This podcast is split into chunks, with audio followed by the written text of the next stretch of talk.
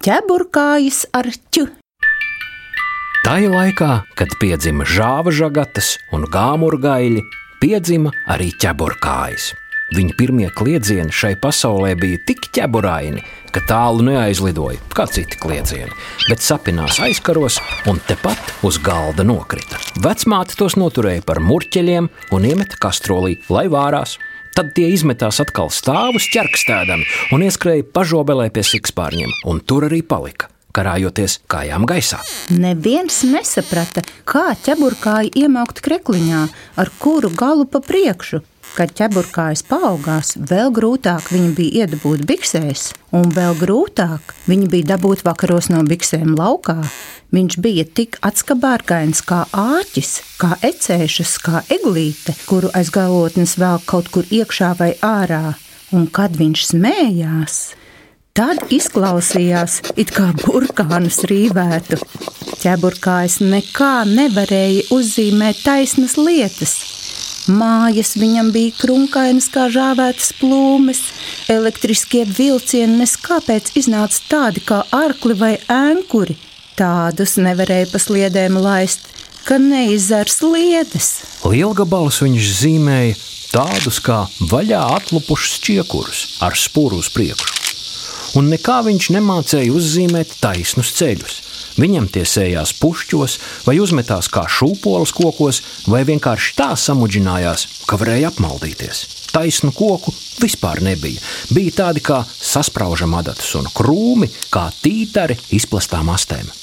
Tā ķeburkājas auga, dienās spurās un āķos, bet kādu dienu ievēroja, ka skudrs arī tādas āķīgas un ķekšainām kājiņām stiepja un kārto apaļus oliņus, un putni ar asu knābi baro apaļus putneļus, un dadzim arī tīri mīlīgs apaļš zieds, un mēnesis ir asiem ragiem, bet debesīs iet apaļu ceļu, tāpat kā saule. Rītos ceļus pie krūtīm pievilkusi, saule tur iešūpojās pār meža galiem un vēlās debesīs augšā. Un vien dienu vēlās ezis pa ceļu un teica, ka ķeburkājs vēl nepazīstot pasauli, ja viņš domājot, ka pasaulē vajagot tikai skrāpēties un durstīties.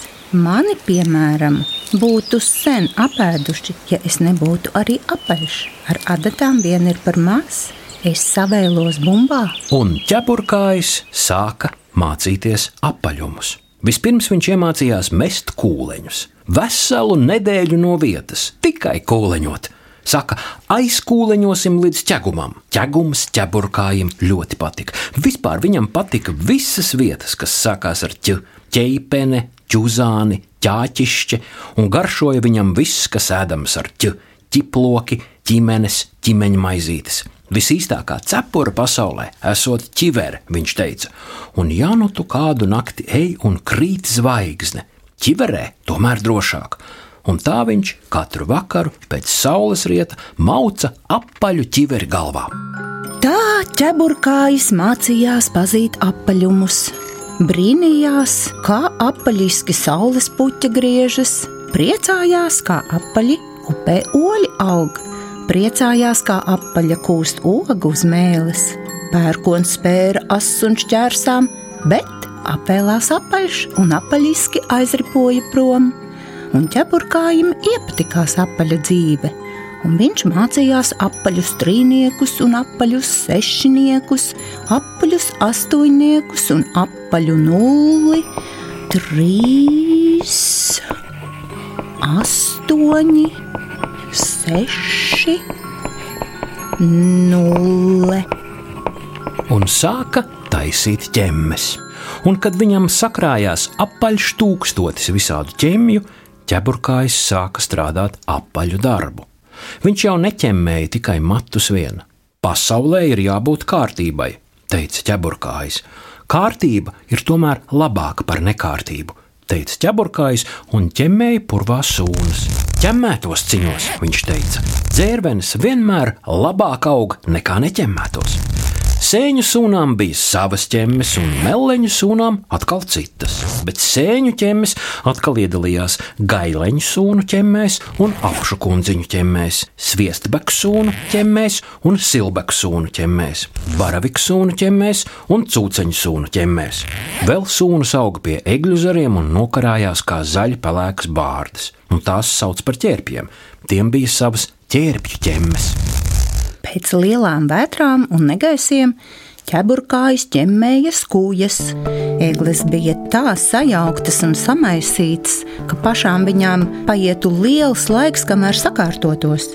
Tāpēc jāpalīdz teica ķeburkājs un līda galotnē. Tā nevar, viņš teica, galotnes jāsasukā skaistas, viņš teica, mākoņi iet pāri, visu noskatās, ej zini, kur viņa aiziet, ko viņa mums stāsta, un ķeburkājs ķemmēja egļu galotnes un kārtoja čiekurus galotnēs.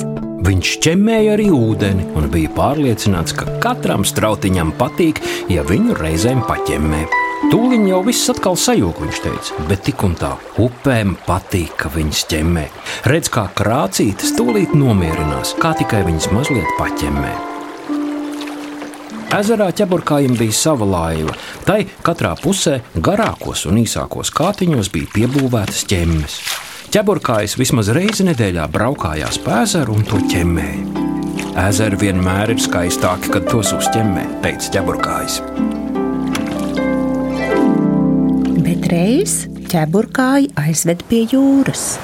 Ķeburkājs skrēja gar krastu pakaļ viļņiem un gribēja tos ķemmēt, bet viļņi nāca un atplūda, nāca un atplūda, juka un sajuka, un ķeburkājs galīgi nokusa. Te jau vajag vismaz desmit ķeburkājus, lai šitos pieķemmētu, viņš teica, apsēdās kāpā un sāka uz ķēmas spēlēt mazu dziesmiņu par lielo jūru.